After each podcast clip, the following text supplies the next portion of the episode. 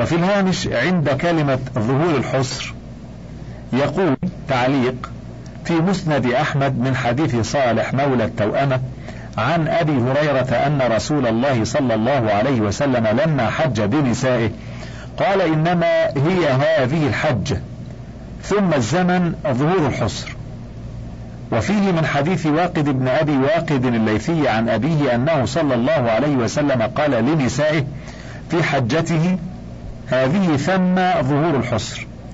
وحديث أبي واقد في باب فرض الحج من كتاب المناسك بسنن أبي داود والحصر جمع حصير أي لزوم المنزل. ونقله الحافظ ابن كثير في البداية والنهاية على أنه إشارة نبوية إلى أنه صلى الله عليه وسلم ينعي لهن نفسه وأن هذه آخر حجة له صلى الله عليه وسلم وليس فيه أمر منه بألا يزايلن الحسرة إلى حج أو مصلحة أو إصلاح بين الناس. فاستشهاد أعداء الصحابة بهذا الحديث على المنع مطلقا عده القاضي ابن العربي من البهتان لأنه استشهاد به لغير ما أراده النبي صلى الله عليه وسلم.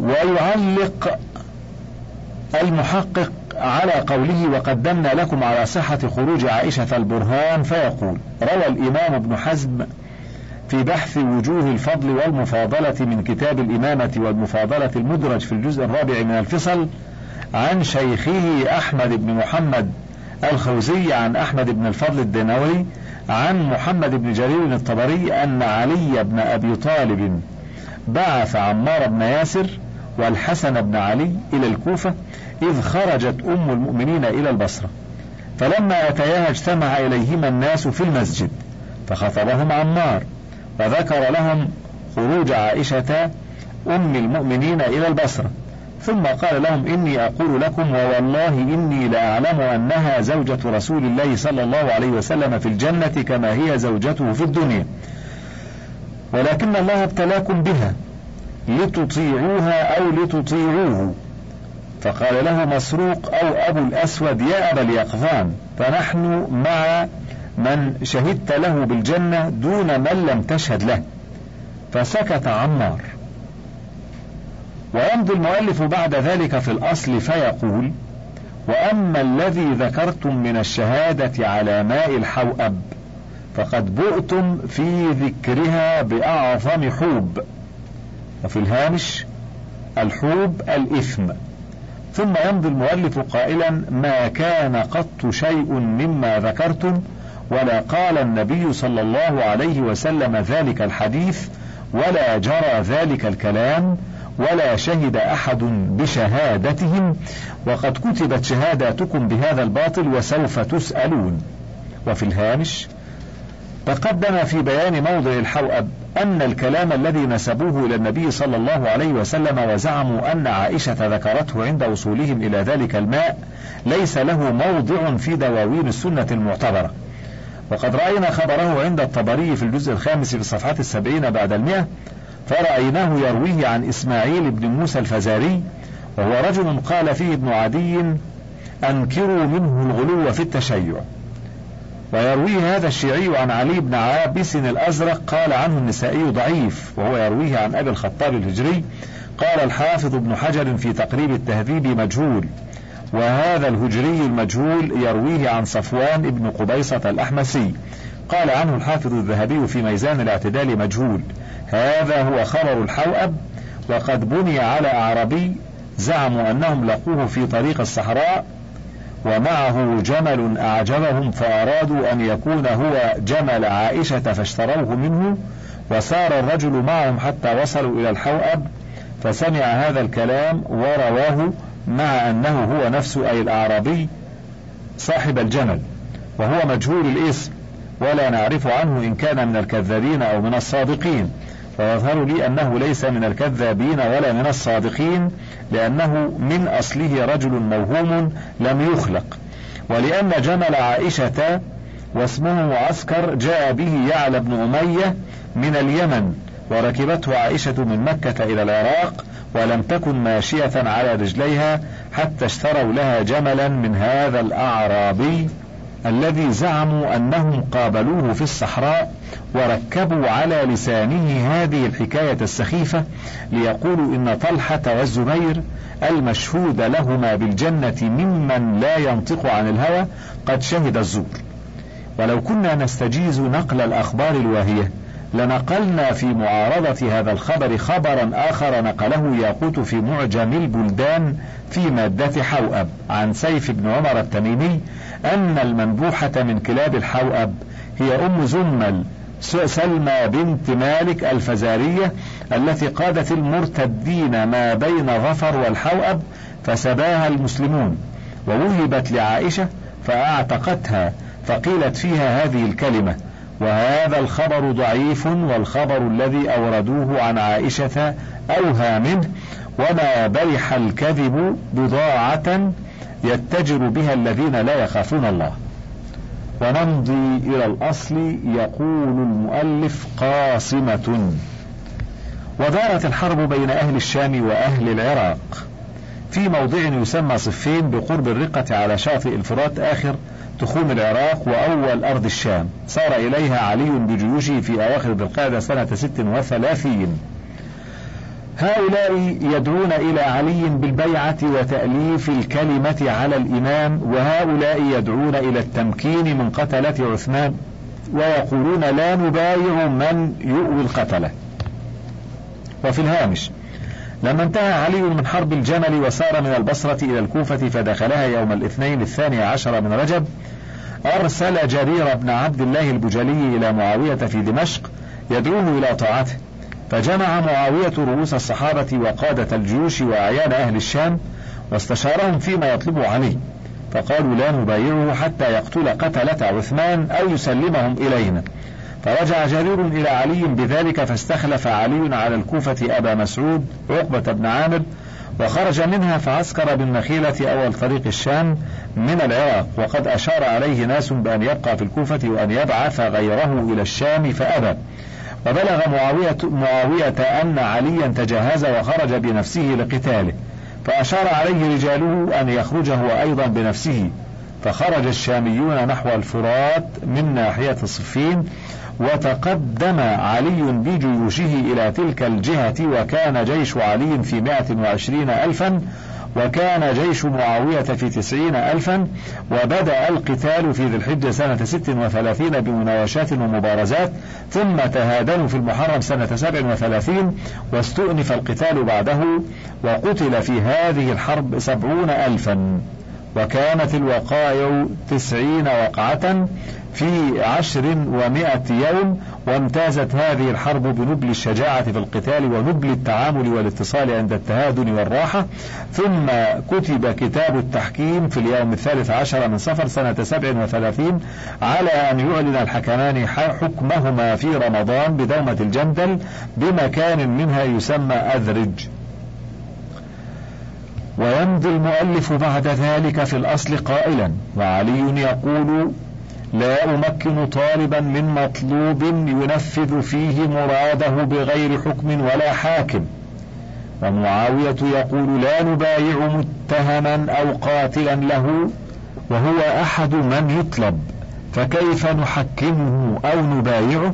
وهو خليفة عدا وتصور وذكروا في تفاصيل ذلك كلمات آلت إلى استفعال رسائل واستخراج أقوال وإنشاء أشعار وضرب أمثال تخرج عن سيرة السلف يقرها الخلف وينبذها الخلف.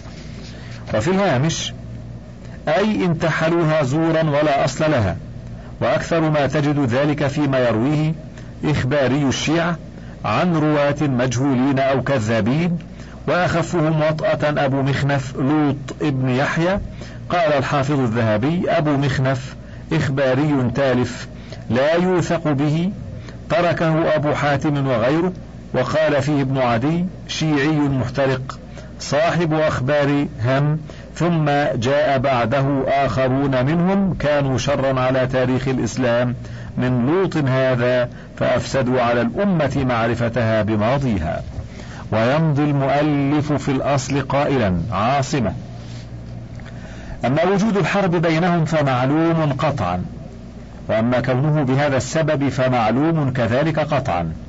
وأما الصواب فيه فمع علي لأن الطالب للدم لا يصح أن يحكم وتهمة الطالب للقاضي لا توجب عليه أن يخرج عليه بل يطلب الحق عنده فإن ظهر له قضاء وإلا سكت وصبر فكم من حق يحكم الله فيه وإن لم يكن له دين فحينئذ يخرج عليه فيقوم له عذر في الدنيا.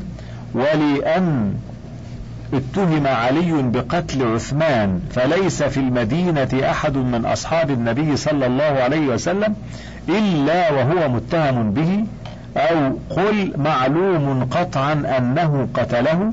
لأن ألف رجل جاءوا لقتل عثمان لا يغلبون أربعين ألفا.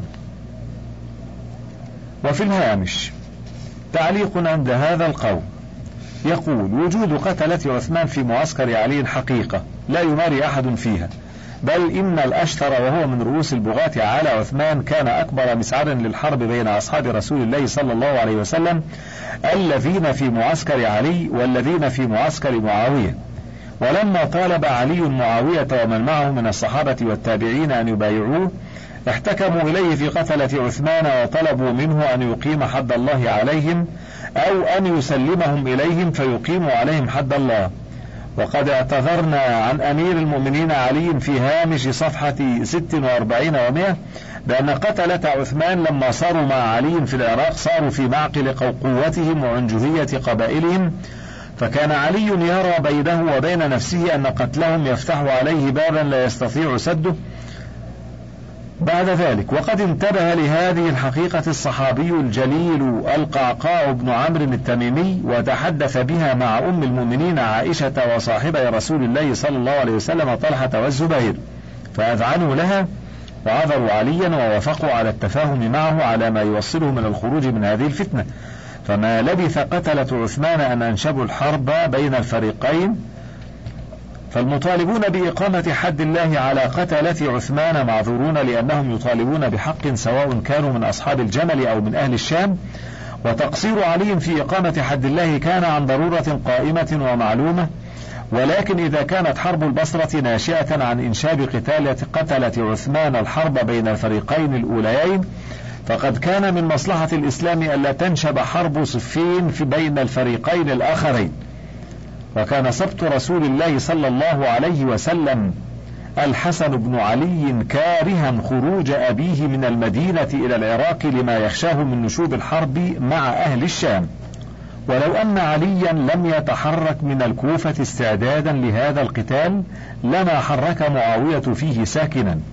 قال شيخ الإسلام ابن تيمية في منهاج السنة لم يكن معاوية ممن يختار الحرب ابتداء. ومع ذلك فإن هذه الحرب المثالية هي الحرب الإنسانية الأولى في التاريخ التي جرى فيها المتحاربان معا على مبادئ الفضائل التي يتمنى حكماء الغرب لو يعمل بها في حروبهم ولو في القرن الحادي والعشرين وإن كثيرا من قواعد فقه الحرب في الإسلام لم تكن لتعلم وتدون لولا وقوع هذه الحرب ولله في كل أمر حكمة. ونعود بعد ذلك إلى الأصل يمضي المؤلف قائلا ولئن اتهم علي بقتل عثمان فليس في المدينة أحد من أصحاب النبي صلى الله عليه وسلم إلا وهو متهم به. أو قل معلوم قطعا أنه قتله لأن ألف رجل جاءوا لقتل عثمان لا يغلبون أربعين ألفا. وفي الهامش ليس في أهل السنة رجل واحد يتهم عليا بقتل عثمان لا في زماننا ولا في زمانه. وقد مضى الكلام على ذلك في هذا الكتاب وكل ما في الأمر وجود قتلة عثمان مع علي وموقف علي منهم وعذره بينه وبين الله في موقفه هذا فنحن جميعا على رأي القعقاع بن عمرو بأن موقف علي موقف ضرورة غير أن الحمقى من أخباري الشيعة دسوا على علي أخبارا تشعر بغير ما كان في قلبه من المحبة والرضا والموالاة والتأييد لعثمان أثناء محنته. فأساءوا بذلك إلى علي من حيث يريدون الإساءة إلى عثمان. أما معاوية وفريقه فلم يذكروا عليا في أمر البغي على عثمان إلا لمناسبة انضواء قتلة عثمان إليه واستعانته بهم فقتلة عثمان هم الذين أساءوا إلى الإسلام وإلى عثمان وإلى علي أيضا فالله حسيبهم. ولو أن كل المسلمين كانوا كعبد الرحمن بن خالد بن الوليد في حزمه قبل أن تستفحل الفتنة ويفلت الزمام من أيدي العقلاء لما وصلت الأمور إلى ما وصلت إليه. ويمضي المؤلف في الأصل قائلا وهب كأن عليا وطلحة والزبير تضافروا على قتل عثمان فباقي الصحابة من المهاجرين والأنصار ومن اعتد فيهم وضوى إليهم ماذا صنعوا بالقعود عن نصرته؟ ولا يخلو أن يكون لأنهم رأوا أولئك طلبوا حقا وفعلوا حقا. فهذه شهادة قائمة على عثمان فلا كلام لأهل الشام. وإن كانوا قعدوا عنه استهزاء بالدين وأنهم لم يكن لهم رأي في الحال ولم تكن لهم مبالاة عندهم بالإسلام ولا فيما يجري فيه من اختلال فهي ردة ليست معصية لأن التهاون بحدود الدين وإسلام حرمات الشريعة للتضييع كفر. وإن كانوا قعدوا لأنهم لم يروا أن يتعدوا حد عثمان وإشارته فأي ذنب لهم فيه؟ وأي حجة لمروان؟ وعبد الله بن الزبير والحسن والحسين وابن عمر وأعيان العشرة معه في داره يدخلون إليه ويخرجون عنه في الشكة والسلاح والطالبون ينظرون ولو كان لهم بهم قوة أو أووا إلى ركن شديد لما مكنوا أحدا أن يراه منهم ولا يداخله وإنما كانوا نظارة فلو قام في وجوههم الحسن والحسين وعبد الله بن عمرو وعبد الله بن الزبير ما جسروا ولو قتلوهم ما بقي على الأرض منهم أحد. ولكن عثمان سلم نفسه فترك ورأيه. وهي مسألة اجتهاد كما قدمنا. وأي كلام كان يكون لعلي لما تمت له البيعة. لو حضر عنده ولي عثمان وقال له إن الخليفة قد تمالأ عليه ألف نسمة حتى قتلوه وهم معلومون ماذا كان يقول؟ إلا أثبت وخذ وفي يوم كان يثبت إلا أن يثبتوا هم أن عثمان كان مستحقا للقتل. وفي الهامش المؤلف معترف بأن الإثبات كان في متناول اليد لأن الجريمة مشهودة والمجرمون أعلنوا فيها فجورهم فلم يتكتموا ولكن كيف يكون التنفيذ؟ ومن الذي يقوم به؟ ومدينة الرسول مستكينة تحت وطأة الإرهاب. ومن ذا الذي يضمن لعلي حياته إذا أصدر هذا الحكم؟ أليس هؤلاء هم الذين تداولوا في قتله لما عقدوا مؤتمرهم في ذي قار بعد خطبة علي التي ألقاها على الغرائر قبيل مصيره إلى البصرة؟ ألم يسخط الأشثر على أمير المؤمنين علي بعد وقعة الجمل لأنه ولى ابن عمه عبد الله بن عباس على البصرة ولم يولها الأشتر ففارقه غاضبا ولحق به علي فتلافى ما يكون منه من الشر. والخوارج على علي ألم ينبتوا من هذه النواة؟ ولما قتل علي ألم يقتل بمثل السلاح الذي قتل به عثمان؟ ويمضي المؤلف في الأصل قائلا وبالله لتعلمن يا معشر المسلمين أنه ما كان يثبت على عثمان ظلم أبدا. وكان يكون الوقت أمكن للطالب وأرفق في الحال وأيسر وصولا إلى المطلوب. وفي الهامش كان يكون الوقت أمكن للطالب لو وجدت في المدينة القوة التي كان يتمناها عثمان. ويقال إن قوة من جند الشام كانت خرجت من دمشق قاصدة المدينة فلما جاءها خبر شهادة أمير المؤمنين عثمان رجعت من الطريق. فبقيت المدينة خاضعة لقتلة عثمان حتى بعد البيعة لعلي. وهم إن نزلوا على أحكام هذه البيعة فيما لا ضرر منه عليهم لا ريب أنهم ينقلبون وحوشا ضارية لو صدرت عليهم أحكام الله بإقامة الحدود فيما ارتكبوا من جرم شنيع. ويمضي المؤلف بعد ذلك في الأصل قائلا والذي يكشف الغطاء في ذلك أن معاوية لما صار إليه الأمر لم يمكنه أن يقتل من قتلة عثمان أحدا إلا بحكم إلا من قتل في حرب بتأويل أو دس عليه فيما يقال حتى انتهى الأمر إلى زمن الحجاج وهم يقتلون بالتهمة لا بالحقيقة. وفي الهامش إن سطوة الله وعدله الأعلى نزل بأكثر قتلة عثمان فلم يبق منهم في ولاية معاوية إلا المشرد الخائف الباحث عن جحر يختلئ فيه. وبزوال سطوتهم وتقلص شرهم لم يبق من معاوية حاجة إلى تتبعهم. ويشير المؤلف إلى حادثة عميرة بن ضابئ وكميل النخعي وقد تقدم خبرهما في صفحة 29 ومئة. ويمضي المؤلف قائلا فتبين لكم أنهم ما كانوا في ملكهم يفعلون ما أصبحوا له يطلبون والذي تثلج به صدوركم أن النبي صلى الله عليه وسلم ذكر في الفتن وأشار وبين وأنذر بالخوارج وقال تقتلهم أدنى الطائفتين إلى الحق. وفي الهامش في صحيح مسلم من حديث أبي سعيد الخدري تمرق مارقة عند فرقة من المسلمين يقتلها أولى الطائفتين بالحق. وفي الأصل يمضي المؤلف فيقول فبين أن كل طائفة منهما تتعلق بالحق ولكن طائفة علي أدنى إليه.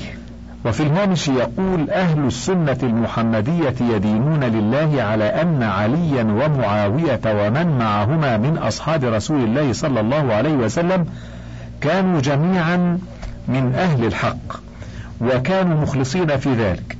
والذي اختلفوا فيه إنما اختلفوا عن اجتهاد كما يختلف المجتهدون في كل ما يختلفون فيه. وهم لإخلاصهم في اجتهادهم مثابون عليه في حالتي الإصابة والخطأ. وثواب المصيب أضعاف ثواب المخطئ. وليس بعد رسول الله صلى الله عليه وسلم بشر معصوم عن أن يخطئ. وقد يخطئ بعضهم في أمور ويصيب في أخرى. وكذلك الآخرون. ومن مرق عن الحق في إثارة الفتنة الأولى على عثمان لا يعد من إحدى الطائفتين اللتين على الحق وإن قاتل معها والتحق بها.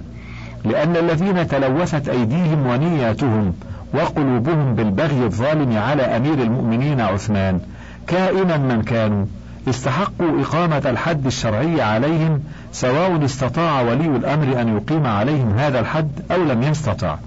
وفي حالة عدم استطاعته فإن مواصلتهم تسعير القتال بين صالح المسلمين كلما أحسوا منهم بالعزم على الإصلاح والتآخي كما فعلوا في وقعة الجمل وبعدها يعد إصرارا منهم على الاستمرار في الإجرام ما داموا على ذلك.